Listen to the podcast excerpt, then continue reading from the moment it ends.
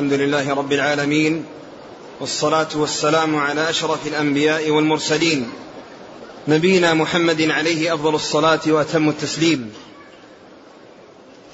قال الإمام البخاري رحمه الله تعالى باب أخذ الصدقة من الأغنياء وترد في الفقراء حيث كانوا. قال حدثنا محمد قال أخبرنا عبد الله قال أخبرنا زكريا ابن إسحاق. عن يحيى بن عبد الله بن صيفي عن أبي معبد مولى بن عباس عن ابن عباس رضي الله عنهما قال قال رسول الله صلى الله عليه وسلم لمعاذ بن جبل حين بعثه إلى اليمن إنك ستأتي قوما أهل كتاب فإذا جئتهم فادعهم إلى أن يشهدوا أن لا إله إلا الله وأن محمد رسول الله. فإنهم أطاعوا لذلك فإنهم أطاعوا لك بذلك فأخبرهم أن الله قد افترض عليهم أن الله قد فرض عليهم خمس صلوات في كل يوم وليلة. فإنهم أطاعوا لك بذلك فأخبرهم أن الله قد فرض عليهم صدقة تؤخذ من أغنيائهم فترد على فقرائهم. فإنهم أطاعوا لك بذلك فإياك وكرائم أموالهم واتق دعوة المظلوم فإنه ليس بينه وبين الله حجاب. بسم الله الرحمن الرحيم. الحمد لله رب العالمين. وصلى الله وسلم وبارك على عبده ورسوله نبينا محمد وعلى آله وأصحابه أجمعين. يقول الإمام البخاري رحمه الله باب تؤخذ الصدقة من الأغنياء وترد في الفقراء. أين أينما كانوا. وهذه الترجمة أوردها من أجل ما جاء في آخر الحديث من قوله صلى الله عليه وسلم لمعاذ حين بعثه إلى اليمن فإنهم أجابوك لذلك أي الصلاة فعلمهم أن الله افترض عليهم صدقة في أموالهم تؤخذ من أغنيائهم وترد على فقرائهم. وهذا الحديث أورده الإمام البخاري في أول كتاب الزكاة. أول حديث أورده في كتاب الزكاة وهذا الحديث وذكره في مواضع عديدة ومنها هذا الموضع الذي ذكره لبيان مصرف الزكاة وأنها تكون للفقراء. ومن المعلوم أن مصارف الزكاة ثمانية وهي التي ذكرها الله في سورة التوبة إنما الصدقات للفقراء والمساكين والعاملين عليها والمؤلفة قلوبهم وفي الرقاب والغارمين وفي سبيل الله وابن السبيل. هذه مصارفها. ولكن أهم المصارف هم الفقراء والمساكين. أهم مصارفها الفقراء والمساكين. ولهذا جاء في هذا الحديث الذي آه، في حديث بعث معاذ إلى اليمن قال تؤخذ من أغنيائهم وترد على فقرائهم. وليس معنى ذلك أنها تحصر فيهم بل إنها تكون للمصارف الثمانية التي ذكرها الله عز وجل. ولكن هؤلاء هم هم الأولى بها والأحق بها لأن لأن فيها دفع أو الفاقة ورفع الفاقة عن عن عن الفقراء فالزكاة آه، شيء قليل افترضه الله في أموال الأغنياء لنفع الفقراء. فيستفيد الغني أجرا وثوابا ويستفيد الفقير أنه يحصل طعاما ويحصل لباسا ويحصل شيئا من النقود أو التي هي من الزكاة يستعملها في حاجاته المختلفة. وقوله البخاري أينما كانوا هذا يحتمل أن يكون يرى أن أن نقل الزكاة أنها تنقل من مكان إلى مكان وأنها تصرف في المساكين أينما كانوا ويحتمل أنه يريد أن كل أهل بلد تؤخذ الزكاة من أغنيائهم وترد على فقرائهم وأن ذلك في كل بلد يعني أنها تؤخذ من الأغنياء وترد على الفقراء. وقد حصل ذلك في اليمن فيحصل ذلك في البلاد الأخرى. و فمحتمل أن البخاري يعني يريد بذلك نقل الزكاة وأنها تكون في غير البلد اللي أخذت منه ويحتمل أنه يريد بذلك أن كل بلد تؤخذ من أغنيائهم وترد على فقرائهم. ولا شك أن فقراء البلد هم أولى بالزكاة من غيرهم وإذا كانت البلد استغنى أو فقراء فيه يعني قد استغنوا أو أنه لا يوجد فيه فقراء فإنها تنقل إلى إلى بلد أخرى. وكذلك إذا كان البلاد الأخرى أشد فاقة وأشد حاجة فإن نقلها إليهم آه، سائغ آه، وجائز. ثم الحديث فيه آه، أن الرسول عليه الصلاة والسلام رسم لمعاذ رضي الله عنه الخطة التي يسير عليها في الدعوة إلى الله. فقال إنك تأتي قوما أهل كتاب. وهذا تمهيد وتوطئة يعني أن الذين ستقدم عليهم أنهم عندهم علم وعندهم معرفة بما عندهم من الكتاب وبما عندهم من الكتب السابقة. فالمخاطبة والمجادلة مع من عنده علم ليست ك يعني كالذي يحصل مع الذين ليس عندهم علم. فأراد بذلك أن يتهيأ وأن يستعد لهؤلاء الذين سيقدم عليهم وعندهم علم في من الكتب السابقة. يعني وسواء كان ذلك العلم آه، يعني آه، مما مما هو صحيح ومما هو منزل وقد يكون العلم الذي عندهم مما بدل. لكن المهم في الأمر أنهم عندهم علم وعندهم معرفة ومن يذهب إلى مثلهم فإن عليه أن يحتاط وأن يعني يعرف يعني كيف يخاطب الناس وكيف يجادلهم وكيف يبين لهم لأن من عنده علم يختلف عن عمن لا علم عمن لا علم عنده. إنك تأتي قوما أهل الكتاب فليكن أول ما تدعوهم إليه شهادة لا إله إلا الله وأن محمد رسول الله. فأول شيء يدعى إليه التوحيد. أول شيء يدعى إليه التوحيد وهو إخلاص العبادة. ولهذا أورده البخاري رحمه الله هذا الحديث في مطلع كتاب التوحيد. افتتح كتاب التوحيد بهذا الحديث لأن فيه الدعوة أول شيء إلى عبادة الله وحده وإلى شهادة أن لا إله إلا الله وأن محمد رسول الله. لأن التوحيد هو الأساس وكل عمل لا يبنى على الإخلاص لله والمتابعة لرسول الله عليه الصلاة والسلام فإنه آه فإنه لا قيمة له ولا عبرة به. لأن إخلاص العبادة لله ومتابعة الرسول هما شرط قبول العمل وهما الأساس الذي يبنى عليه كل عمل. فكل عمل لم يبنى على الإخلاص لله والمتابعة لرسول الله صلى الله عليه وسلم فإنه لا قيمة له ولا عبرة به. فالإخلاص هو مقتضى أشهد أن لا إله إلا الله والمتابعة مقتضى أشهد أن محمد رسول الله صلى الله عليه وسلم. فليكن أول ما تدعوهم إليه شهادة لا إله إلا الله وأن محمد رسول الله. فإنهم أطاعوا لك بذلك يعني استجابوا ودخلوا في الإسلام وشهدوا أن لا إله إلا الله وأن محمد رسول الله. فإن ذلك هو الذي يدخلهم في الإسلام وعند ذلك ينتقل إلى ما هو أهم. إلى ما إلى إلى يعني إلى إلى المهم بعد الأهم. وأهم شيء التوحيد وأول شيء يليه الصلاة لأنها عمود الإسلام وهي التي تنهى عن الفحشاء والمنكر وهي التي فرضت في السماء ورسول الله صلى الله عليه وسلم في, في ليلة المعراج في السماء وصفها بأنها وصفها رسول الله عليه الصلاة والسلام بأنها عمود الإسلام وكانت من, من آخر ما أوصى به عليه الصلاة والسلام في مرض موته فإنه من جملة وصاياه التي أوصى بها في مرض موته فأهم أركان الإسلام بعد شهادتين الصلاة. ثم أيضا هي الحد الفاصل بين المؤمنين والكفار بين المسلمين والكفار لقوله عليه الصلاة والسلام العهد الذي بيننا وبينهم الصلاة فمن تركها فقد كفر. وقال عليه الصلاة والسلام بين المسلم وبين الكفر أو الشرك ترك الصلاة. وأخبر عن أهل سقر أنهم إذا سئلوا ما الذي أوصلهم سقر يجيبون في أول ما يجيبون بأنهم ما كانوا يصلون. ما سلككم في سقر قالوا لم نكن من المصلين ولم نكن نطعم مسكين وكنا نخوض مع الخائضين وكنا نكذب بيوم الدين حتى أتانا اليقين. ثم إنه بعد آه، أمرهم بالصلاة والاستجابة والصلاة يعني هي أهم الأركان وأعظم الأركان وهي التي آه، تكون في اليوم والليلة خمس مرات وهي التي يعرف بها من كان مستقيما ومن كان منحرفا. إذا صحبت إنسان تستطيع أن تكتشفه في خلال 24 ساعة. يعني في إذا جاء وقت الصلاة ورأيته من المصلين هذه علامة خير. وإن رأيته من الغافلين ومن المعرضين ومن الكسولين فهذه علامة علامة علامة شر. بخلاف بقية الأركان فإنها دون الصلاة.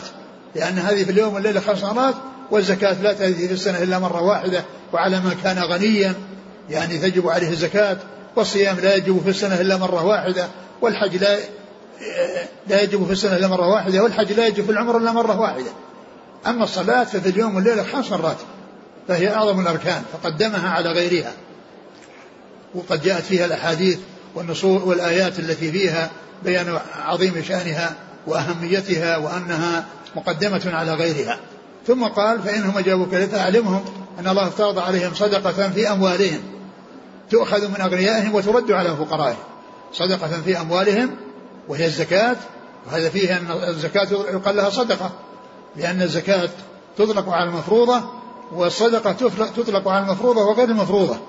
ويأتي وقد جاء في القرآن الكريم وفي السنة المطهرة أحاديث عديدة في إطلاقها على المفروضة. منها قوله, قوله سبحانه وتعالى إنما الصدقات للفقراء. وقوله قل من خذ من أموالهم صدقة طهرهم وزكيهم بها. وكذلك في هذا الحديث في قوله صلى الله عليه وسلم تؤخذ أن الله افترض عليهم صدقة في اموالهم تؤخذ من أغنيائهم وترد على فقرائهم. وفي آه، قوله تؤخذ من أغنيائهم وترد على فقرائهم أنه يرسل السعاة لها وأنها تؤخذ منهم وتعطى للفقراء ويمكن أن يكون الأموال الخفية والأموال التي يعني لا يرسل الإمام يعني سعاة لقبضها وتوزيعها أنه يتولاها بنفسه ويوصلها إلى من يستحقها يوصلها إلى من يستحقها. ثم إنه لما أمر بالصلاة بزكاة بعد الصلاة أرشد إلى أن الإنسان أن أنه أن العامل الذي يتولى قبض الزكاة لا يظلم أصحاب الأموال ولا يظلم الفقراء وإنما يأخذ من الوسط.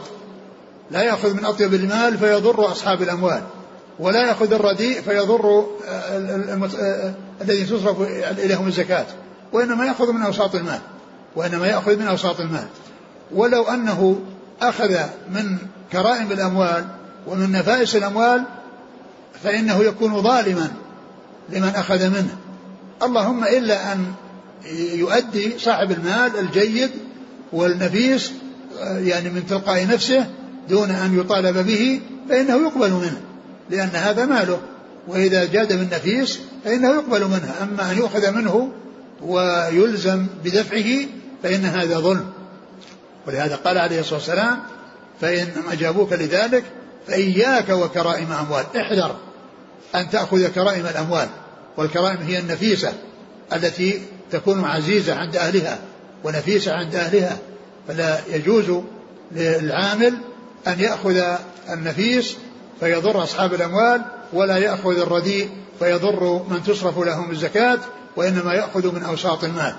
وإنما يؤخذ من أوساط المال وقد حذر النبي صلى الله عليه وسلم آه، آه، السعاة من أخذ الكرائم وقال وأرشد أنها ظلم ثم قال واتق دعوة المظلوم. يعني أنك إن أخذتها فإنك تكون ظالما معرضا نفسك للدعوة دعوة المظلوم. ودعوة المظلوم ليس بينها وبين بين الله حجاب يعني يستجيب لها ويقبلها ويحذر الإنسان من الظلم حتى لا يدعو عليه المظلوم. ويحذر الإنسان من الظلم حتى لا يدعو عليه المظلوم فتصيبه يعني آه، دعوته وتصيب وتناله مضرة ظلمه ف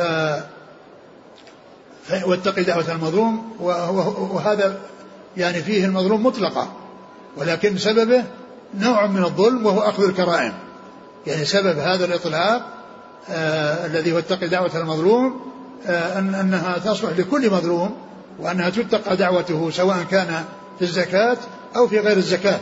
ولكن السبب هو آه ما جاء في الزكاة من أن أخذ النفائس ظلم وأن المظلوم قد يدعو على من ظلمه فيستجيب الله دعوته فالإنسان يحذر أن يتعرض للظلم ولأسباب الظلم حتى لا يدعو عليه المظلوم فتناله آه، آه، دعوته ويستجيب الله دعوته فيناله الضرر وهو الذي جنى على نفسه بالظلم. والظلم ظلمات يوم القيامة. نعم. فإنه ليس بينه وبين الله حجاب. نعم. بعده قال حدثنا محمد.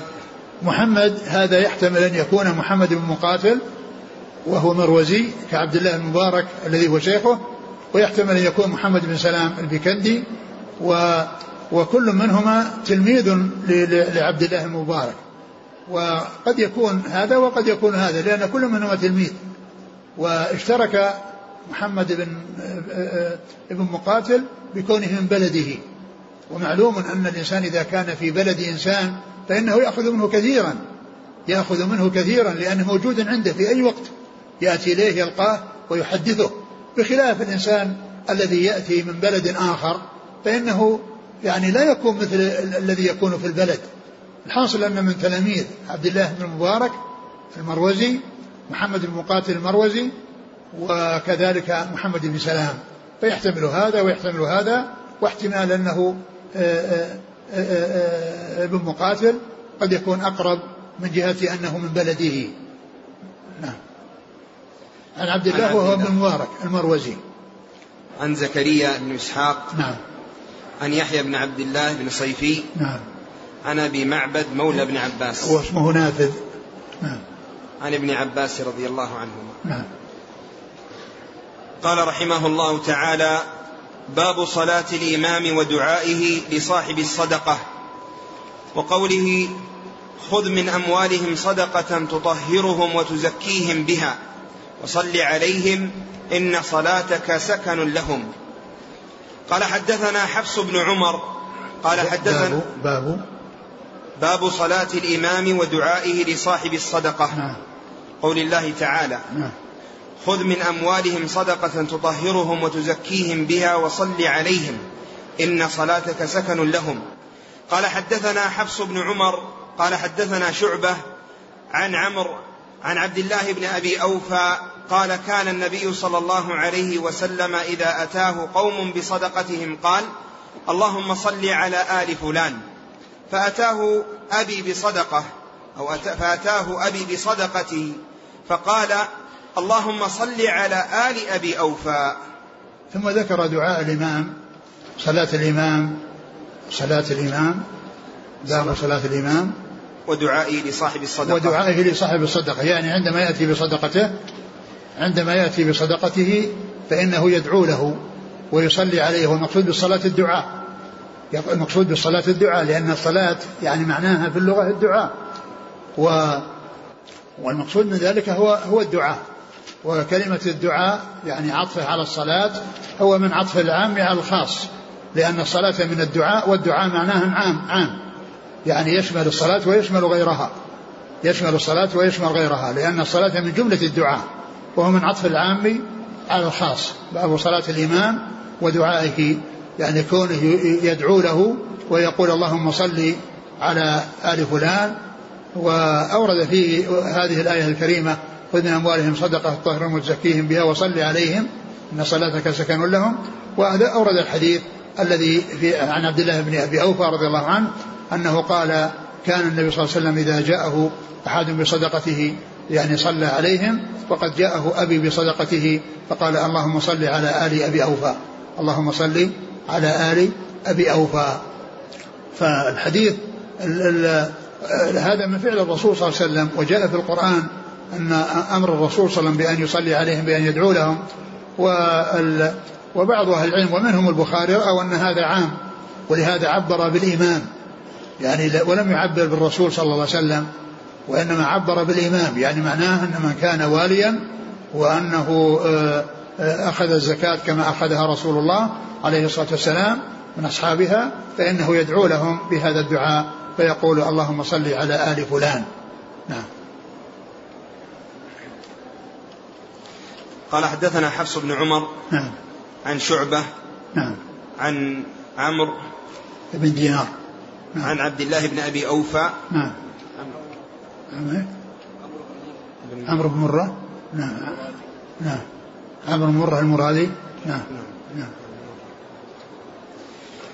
عن عبد الله بن أبي أوفى رضي الله عنه. نعم, نعم.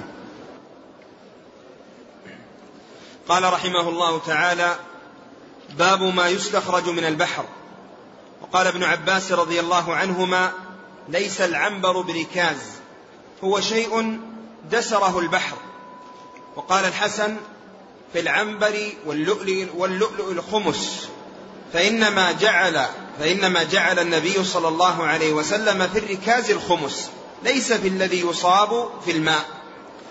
وقال الليث حدثني جعفر بن ربيعة عن عبد الرحمن بن هرمز عن أبي هريرة رضي الله عنه عن النبي صلى الله عليه وسلم أن رجلا من بني إسرائيل سأل بعض بني إسرائيل بأن يسلفه ألف دينار فدفعها إليه فخرج في البحر فلم يجد مركبا فأخذ خشبة فنقرها فأدخل فيها ألف دينار فرمى بها في البحر فخرج الرجل الذي كان أسلفه فإذا بالخشبة فأخذها لأهله حطبا فذكر الحديث فلما نشرها وجد المال. نعم. بعده انتهى الباب. نعم. نعم ثم قال باب باب ما يستخرج من البحر. نعم. ها. وقال ابن عباس رضي الله عنه باب ما يستخرج من البحر. نعم. ترجمة. باب ما يستخرج من البحر. باب ما يستخرج من البحر. يعني هل فيه هل فيه زكاة أو أو هو ركاز؟ يعني يؤخذ فيه الخمس كما جاء في قوله صلى الله عليه وسلم وفي الركاز الخمس. وذكر يعني آه، آه، فيه عدة آثار. ذكر فيه عدة آثار فقال قال ابن عباس قال ابن عباس رضي الله عنهما ليس العنبر بركاز. قال ابن عباس ليس العنبر بركاز. قيل إن العنبر نبت يعني يكون على على ساحل البحر وأنه ياكله الحوت وأنه يستخرج منه والعنبر يطلق على على نوع من الحيتان يعني آه، الكبار جدا آه، يطلق عليها فلا فلا فلا فليس فيه يعني شيء يؤخذ لا زكاة ولا ولا ولا ركاز. وكذلك أيضا ما يكون فيه من اللؤلؤ فإنه ليس بركاز لأن الحديث جاء في الركاز والركاز هو ما يدفن في الأرض. نعم لو دفن شيء من من من الركاز ذهب وفضة في الأرض في داخل البحر وحصل فإنه يقال له ركاز سواء كان في أرض بحرية أو أرض برية. يعني ولكن المقصود من ذلك إذا كان شيئا مما مما هو من البحر. فهذا ليس فيه زكاة. حتى وليس فيه آه، تخميس حتى ما يؤخذ من اللؤلؤ والمرجان الذي يوجد فيه ليس فيه شيء. لأن الرسول عليه السلام جاء في الركاز. والركاز هو المدفون. وهذا ليس بمدفون. هذا مكشوف. ويعني آه، حصل أو وجد في البحر فمن أخذه فإنه يأخذه له. وليس فيه شيء يعني عليه. لا لا زكاة ولا ولا ركاز. اللهم إلا إذا كان مدفونا في البحر وعثر عليه إنسان فإنه فيه الخمس كما في عموم قوله صلى الله عليه وسلم الركاز الخمس. يعني لو كان في ذهب وفضة مدفونة في البحر وحصلها إنسان فإن هذا داخل مثل ما لو وجدها في البر. أما ما يوجد في البحر من الأشياء البحرية فإن هذا ليس فيه شيء وإنما يأخذه صاحبه ولا شيء فيه. نعم قال قال ابن عباس. قال رضي الله عنه ليس العنبر بركاز. نعم. هو شيء دسره البحر. دسره يعني جزر عنه يعني دفع يعني آه لفظه وقذفه ويعني ومعلوم أن أن أن البحر قد يجزر عن بعض الحيوانات الكبيرة مثل ما حصل لأبي عبيدة رضي الله عنه والجماعة الذين معه والذين كانوا ليس معهم شيء وكان معهم تمر ويقسم عليهم على تمرة. يعني الطعام على تمرة ثم إنهم جاءوا ينسيف البحر وإذا عنبر يعني آه، كبير جدا جزر عن البحر وقد مات فجلسوا عليه شهرا وهم يأكلون منه وتزودوا وتزودوا منه. فهو يطلق على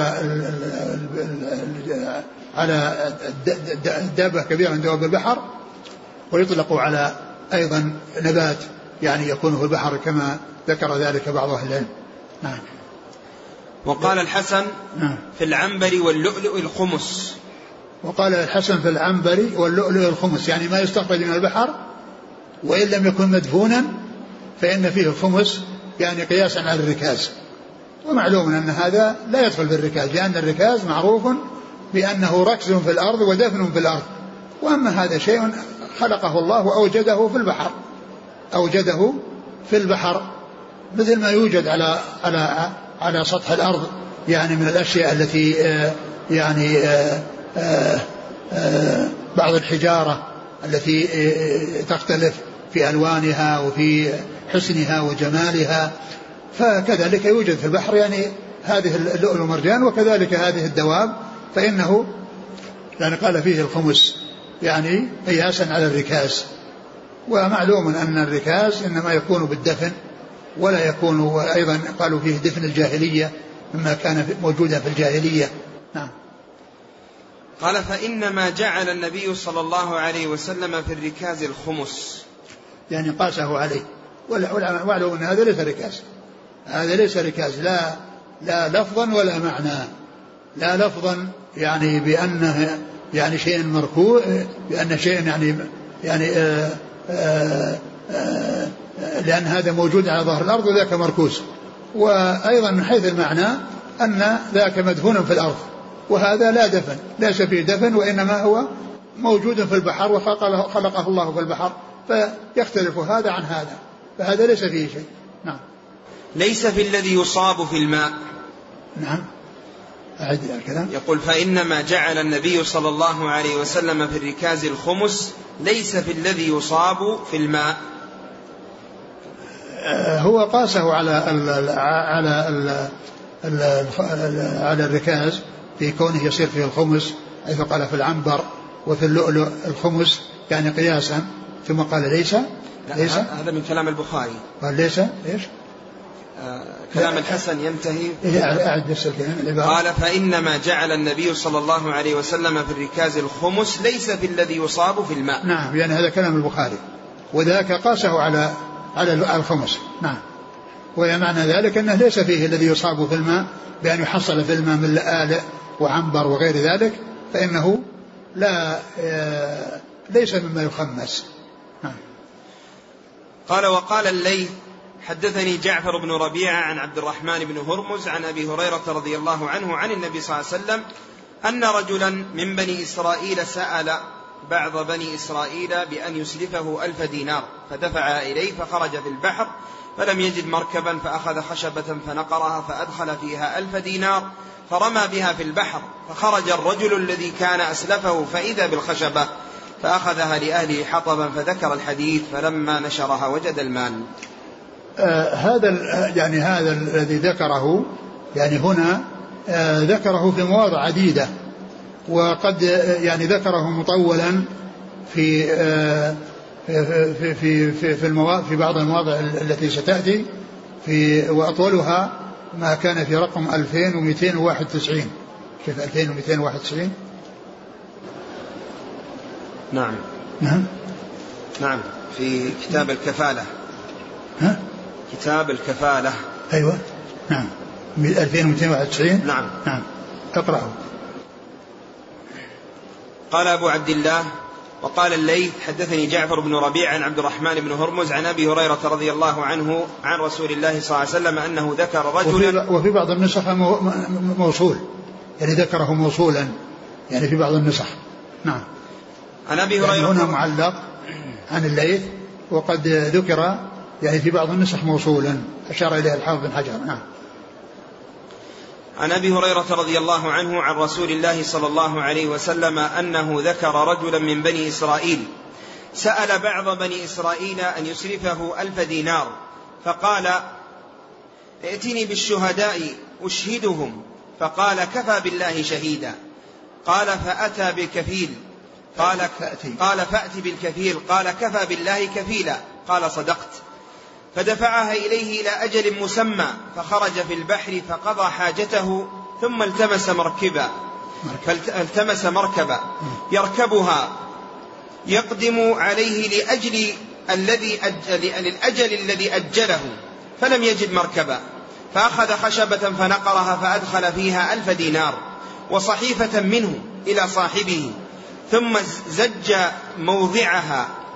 زجج يعني زجج موضعها. عمل عليه يعني شيء يعني لا يؤثر فيه الماء. نعم. نعم. ثم أتى بها إلى البحر فقال اللهم إنك تعلم أني كنت تسلفت أني كنت تسلفت فلانا ألف دينار. فسألني كفيلا فقلت كفى بالله كفيلا فرضي بك. وسألني شهيدا فقلت كفى بالله شهيدا فرضي بك فرضي بذلك. وإني جهدت أن أجد مركبا, مركبا. أبعث إليه الذي له. فلم أقدر.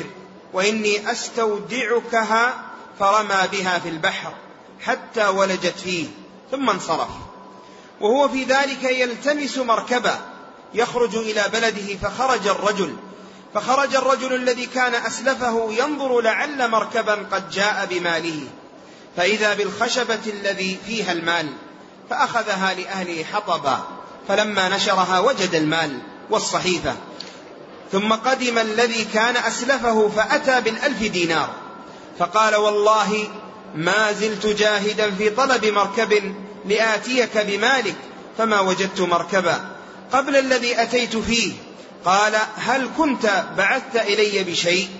قال قال أخبرك أني لم أجد مركبا قبل الذي جئت فيه. قال فإن الله قد أدى عنك الذي بعثت الذي بعثت الخشبة وانصرف بالألف دينار وانصرف بالألف دينار راشدا. نعم هذا الحديث هذا الذي ذكر هنا قطعة منه. والمقصود من ذلك أن هذه يعني أقرب شيء أن هذه الحطب الذي خرج يعني أنه أخذه حطبا لأن خشب أخذه حطبا ولكن وجد فيه المال الذي آه، دفع إليه. وأرسله إليه ذلك المدين فأوصله الله عز وجل إليه وجعل ذلك الذي هو الدائم هو الذي يلقى هذه الخشبة التي فيها آه، ذلك الألف الدينار.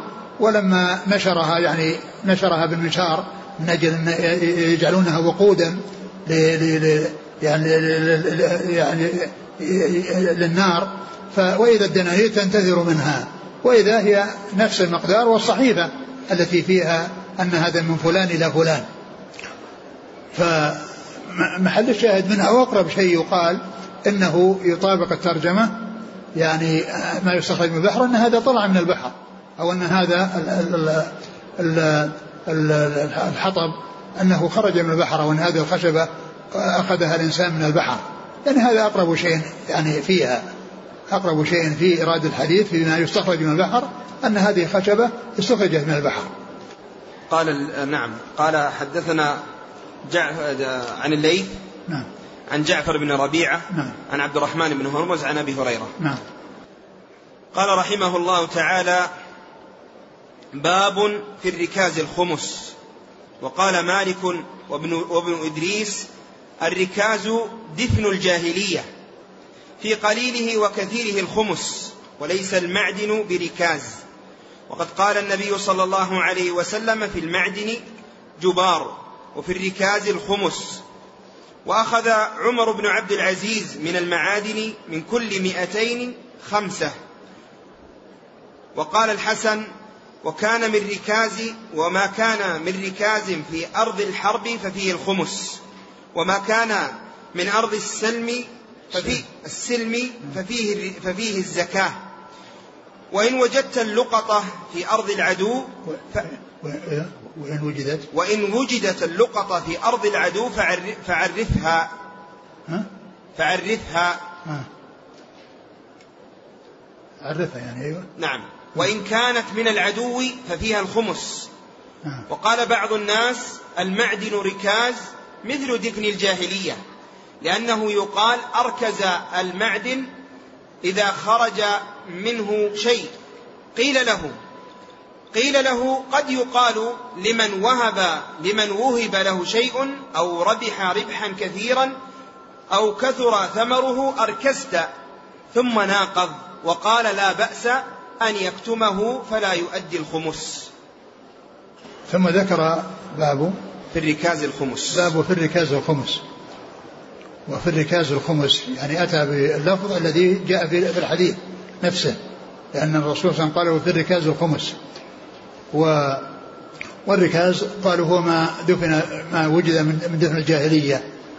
وأما ما كان في الإسلام وكهذا فإنه من العلماء من قال إنه لقطة أنه يعرف وإن آه يعني آه لم يجد آه لم يأتي أحد يطلبه ويعرفه فإنه يملكه من وجده فإنه يملكه من وجده. وأما ما كان في مدفونا بالجاهلية فإن فيه الخمس يعني في قليله وكثيره لأن اللفظ مطلق. يعني سواء كان كثيرا أو قليلا يقوله في الركاز الخمس يعني ما قل وكثر كل ذلك يخمس. ولا يشترط فيه نصاب كما يشترط في الزكاة. وإنما تخرج آه، يخرج خمسه من القليل والكثير. نعم مش قال؟ قال وقال مالك وابن إدريس. مالك وابن إدريس. مالك بن أنس إمام دار الهجرة. وابن إدريس يحتمل أن يكون محمد بن إدريس الشافعي ويحتمل أن يكون عبد الله بن إدريس الأودي. والأقرب أنه محمد بن إدريس الشافعي لأنه هو الذي معروف في الفقه. وهو الذي يأتي ذكره يعني مع الإمام مالك ومع غيره.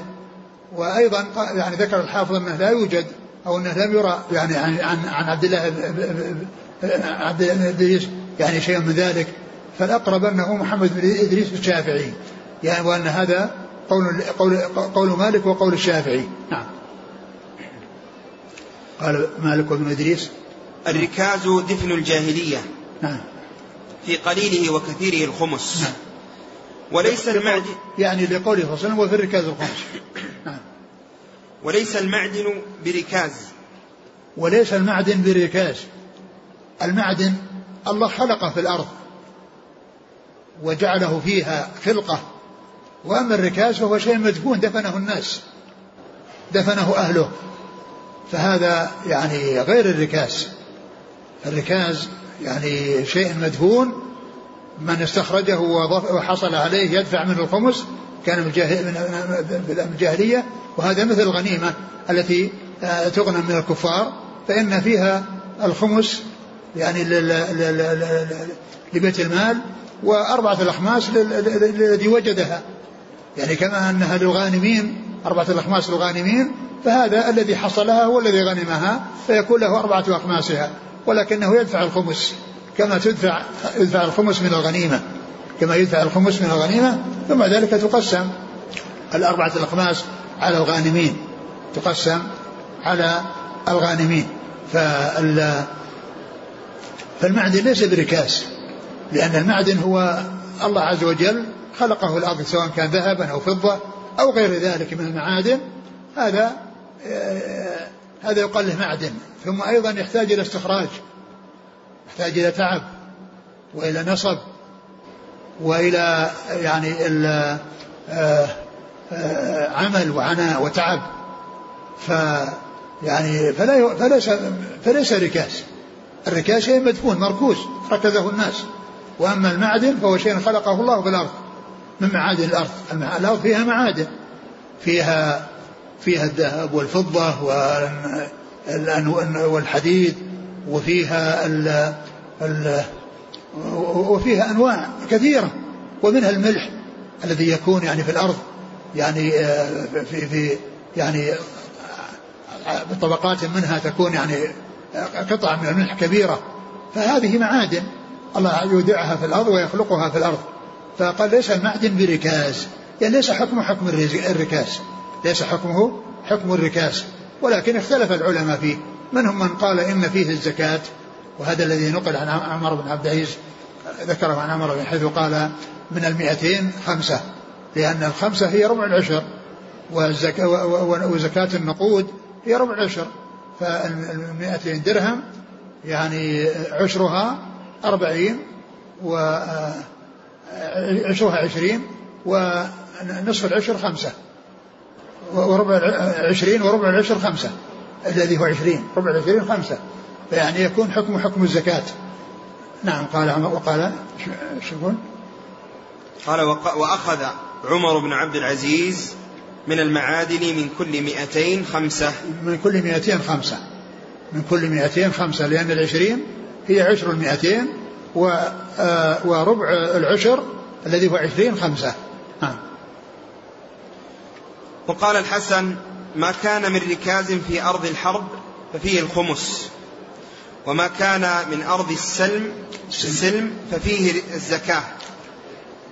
نعم وهذا كلام للحسن ما كان من في أرض الحرب فيه الخمس وكما كان في أرض السلم فيه الزكاة. يعني أن أنه إذا كان في أرض الحرب فهو مثل الغنائم وإذا كان في أرض السلم ففيه الزكاة. وإن وجدت اللقطة في أرض العدو فعرفها. أيوة وإن وجدت نعم. وإن وجدت اللقطة في أرض العدو فعرفها. نعم. وإن, وإن كانت من العدو ففيها الخمس. وإن كانت من العدو يعني مغنومة يعني ففيها الخمس. وإن وجدت فإنها تعرف يعني آآ آآ تعرف يعني والتعريف كما هو معروف لمدة سنة. نعم. قال بعض الناس نعم. نعم. قال بعض الناس المعدن ركاز مثل دفن الجاهلية لأنه يقال أركز المعدن إذا خرج منه شيء قيل له قد يقال لمن وهب وهب قد يقال لمن وهب له شيء أو ربح ربحا كثيرا أو كثر ثمره أركزت ثم تناقض وقال لا بأس أن يكتم أن يكتمه فلا يؤدي الخمس.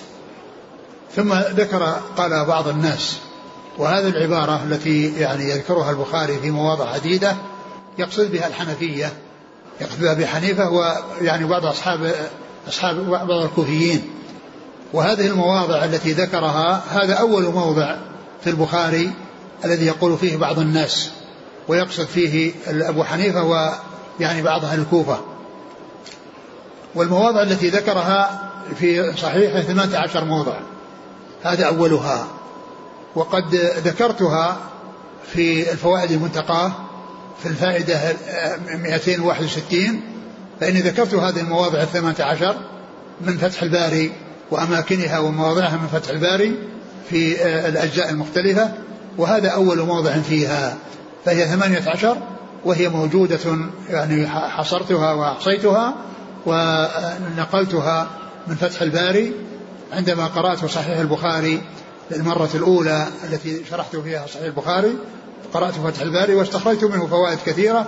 طبعت تحت عنوان الفوائد المنتقاة من فتح الباري وكتب أخرى من فتح الباري وكتب أخرى.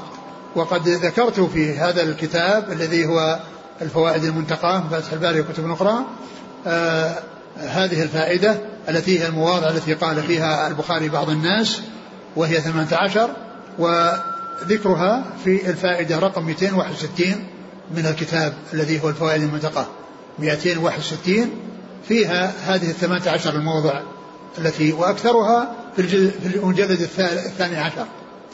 أكثرها في المجلد الثاني عشر.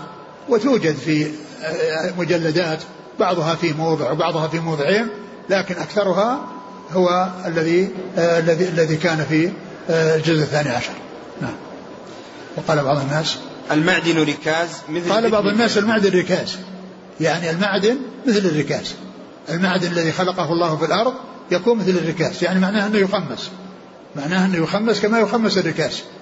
و وقال يعني آه وقال أركز كذا يعني أن أن أن أن أنه يدخل تحت إطلاق لفظ الركاز أنه مركوز في الأرض ولكن المركوز كما هو معروف الذي دفن وركزه الناس. أما الشيء الذي خلقه الله عز وجل فهو كسائر الأشياء التي خلقها الله في الأرض قال إنه يطلق عليه ركاز من حيث اللغة. نعم قال قال لأنه يقال أركز المعدن إذا خرج منه شيء. نعم. قيل له قد يقال لمن وهب له شيء أو ربح ربحا كثيرا أو كثر ثمره أركزت. نعم. ثم تناقض وقال لا بأس أن يكتمه فلا يؤدي الخمس. يقول يعني أن أنه, أنه يعني أنه لا كلمة لا بأس أن يكتمه يكتب يكتب الركاز يعني أنه لا يؤدي الخمس لأنه من جملة من له حق في بيت المال. من جملة من له حق في بيت المال فإذا أخذه ويعني لم يظهره واستفاد يعني الخمس مع الأربعة الأخماس الأخرى فإنه يعني يكون بذلك آه، آه، أخذ شيئا له في حق الذي هو الذي هو لأن له حق في بيت المال وله حق في الخمس فإذا يعني أخفاه واستعمله فيكون استعمل شيئا له فيه نصيب. أو يعني آه، ليس شيئا يخصه ليس شيئا يخص يعني غيره وإنما يكون له ولغيره. نعم. قال حدثنا عبد الله بن يوسف قال أخبرنا مالك عن ابن شهاب عن سعيد بن المسيب عن أبي سلمة بن عبد الرحمن عن أبي هريرة رضي الله عنه أن رسول الله صلى الله عليه وسلم قال العجماء جبار والبئر جبار والمعدن جبار وفي الركاز الخمس. ثم ذكر الحديث الذي فيه جملة وفي الركاز الخمس. وقد قال عليه الصلاة والسلام العجماء جبار والعجماء البهيمة. البهيمة التي يعني آه، سواء كانت من الإبل أو من البقر أو من الضأن يعني الذي شديدة يعني الضرر التي تصيب الإنسان بالنطح فتتلفه أو أو تؤذيه. فقال السلام العجماء جباه العجماء التي لا تنطق ولا تتكلم. هذا مقصود بالعجماء جبار يعني أن ما يحصل منها جبار هدر. إذا كان الإنسان يعني جاء إلى دابة ثم رفسته أو يعني آه، عضته أو حصل شيء من ذلك فإنه جبار يعني هدر يعني لا يضمن. لكن إذا كانت الدابة من صائل من نوع الصائل وتركها صاحبها فإنه يضمن. لأن الصائل آه، لا يجوز إفلاته الذي يصول والذي انطلق يصول فإنه يجب حبسه ويجب آه، كف شره عن الناس. فإذا كان من نوع الصائل وتركها فإنه يضمن. أما إذا كان غير صائل وإنما دابة يعني ترعى وجاه واحد يعني يعني يريد أنها يعني يطردها عن مكان أو يعني ثم رفسته أو عضته أو ما إلى ذلك فتضرر فإنه لا لا لا يضمن وإنما يضمن الذي من قبيل الصائل. هذا هو الذي يضمن العجماء جبار يعني هدر. و والبئر جبار. والبئر جبار. لو أن إنسان استأجر الناس يحفرون له بئر ثم إنسان سقطت عليه البئر ما يضمن صاحب البئر الذي استأجر. لأن لأن, لأن هذا لا يملكه ولا يقدر عليه. وهذا قد جاء ودخل أن يعمل هذا العمل. فلو سقطت عليه البئر أو انهدم عليه سقط عليه شيء من, من جوانبها ومات في فيها فإنه ليس على شيء. وكذلك مثله من يستأجر عمال يشتغلون في عمارة وسقط واحد منها, منها فإنه لا يضمنه. لا يضمن يعني هذا الذي سقط من العمارة ومات. فيعني فالبئر جبار ومثلها فالبئر جبار وهذا من حيث السفل وكذلك من حيث العلو والعمارات التي تبنى فيسقط منها أحد فيموت بسبب ذلك. وكذلك أيضا المعدن جبار المعدن الذي يبحث عنه في الأرض. ويستأجر إنسان وناس يعني يستخرجونه. فلو سقط عليهم هذا المكان الذي هم فيه الذي يبحثون فيه عن المعادن ويشتغلون المعادن ومات فإنه جبار يعني معناه أنه ما يضمنه من استأجرهم. مثل مسألة البئر حفر البئر. كذلك النزول في الأرض من أجل استخراج المعادن. فإذا حصل لأحد شيء من ذلك ومات بسبب شيء سقط عليه فإنه لا يضمن الذي استأجره بهذا العمل. قال وفي الركاز الخمس. وفي الركاز الخمس يعني الذي هو دفن الذي هو مدفون والذي قالوا عنه دفن الجاهلية. هذا فيه الخمس. وأربعة أخماسه للذي وجده وجد هذا الركاز و والخمس يعطى لبيت المال. كما يعطى خمس الغنيمة يعني يكون فيئا ويكون لبيت المال فأربعة الأخماس تقسم على الغانمين فهذا أربعة أخماس له وخمس يكون لبيت المال. نعم. قال حدثنا عبد الله بن يونس بن يوسف التنيسي. عن مالك نعم. عن ابن شهاب عن نعم. سعيد بن المسيب عن أبي سلمة بن عبد الرحمن عن أبي هريرة. نعم. قال باب قول الله تعالى والعاملين عليها ومحاسبة المصدقين مع الإمام. نعم. قال حدثنا يوسف بن موسى قال حدثنا أبو أسامة قال أخبرنا هشام بن عروة عن أبيه عن أبي حميد الساعدي رضي الله عنه قال استعمل رسول الله صلى الله عليه وسلم رجلا من الأزد. من من الأزد. من الأزد على صدقات بني سليم يدعى ابن ابن يدعى ابن اللتبية نعم. فلما جاء حاسبه. انتهى؟ نعم. ثم ذكر باب باب قول الله عز وجل والعاملين عليها ومحاسبة المصدقين مع الإمام. ومحاسبة المصدقين المصدقين مع المصدقين أي الذين يرسلون لأخذ الزكاة. لأن فيه مصدق ومصدق. المصدق هو صاحب المال الذي يخرج الصدقة. والمصدق هو الذي يقبلها ويأخذها ويأتي بها والذي يبعثه الإمام. هذا يقال له مصدق.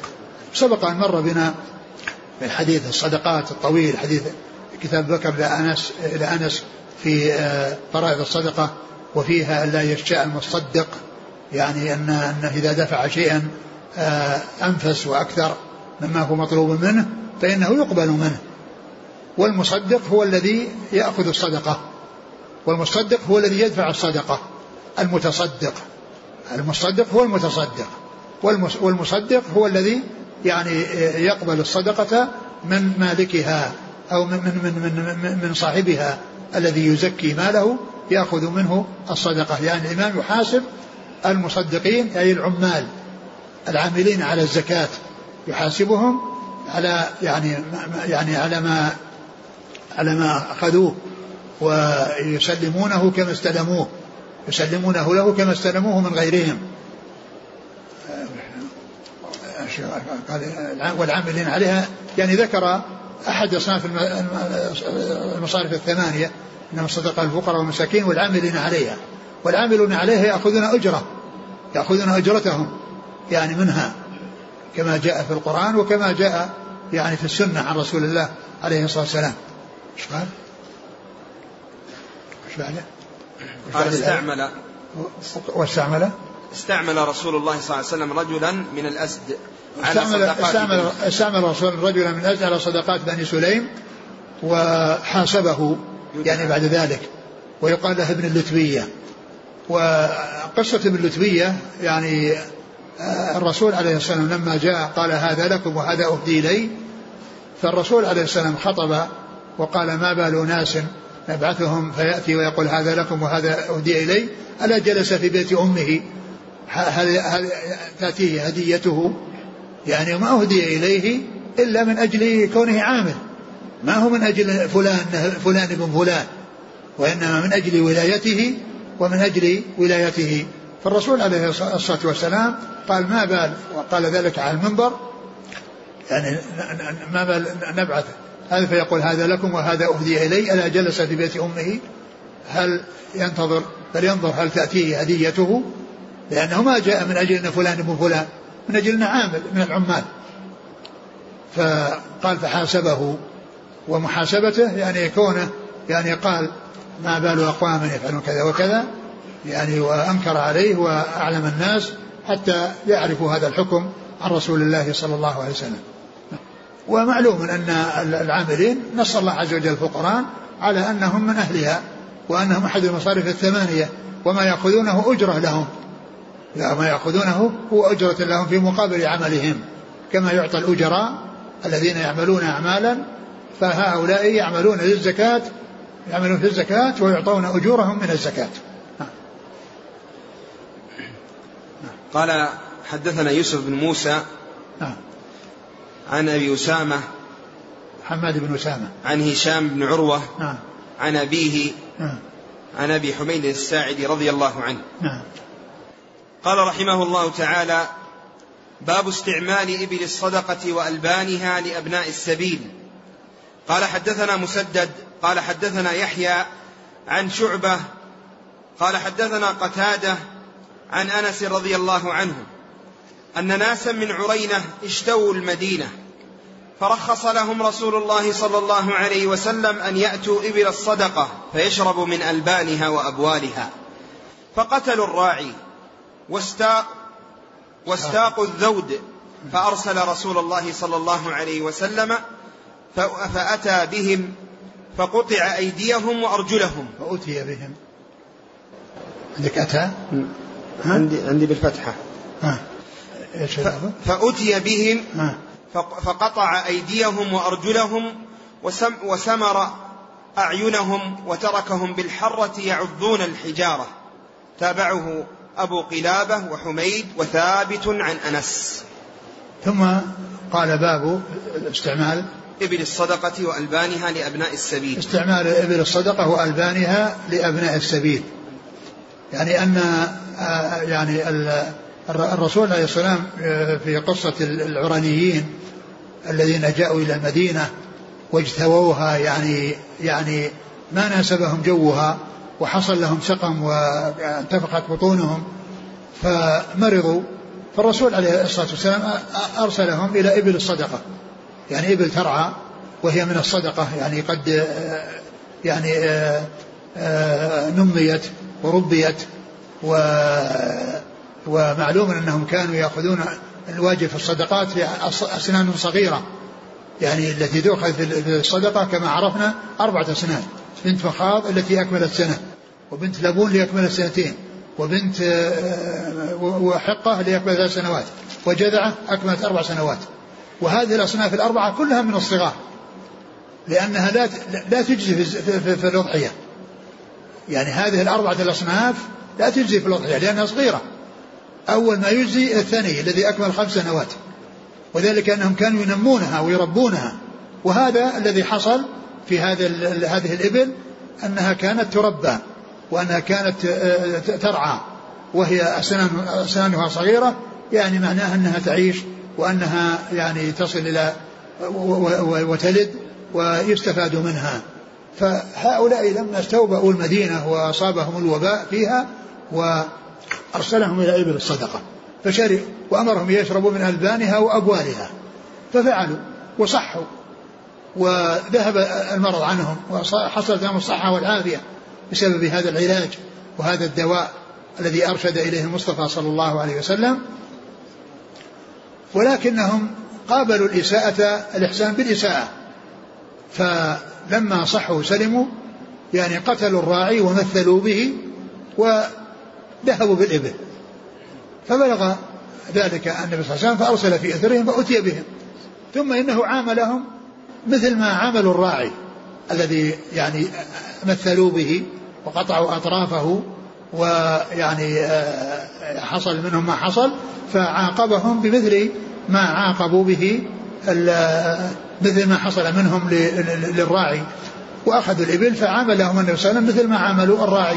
قال عن أنس رضي الله عنه أن ناسا نعم. من عرينة. يعني ال ال الترجمة قال يعني استعمال استعمال إبل الصدقة وألبانها لابن السبيل لأبناء السبيل نعم. لأبناء السبيل. أبناء السبيل معلوم انهم من من من, من مصارف الثمانية.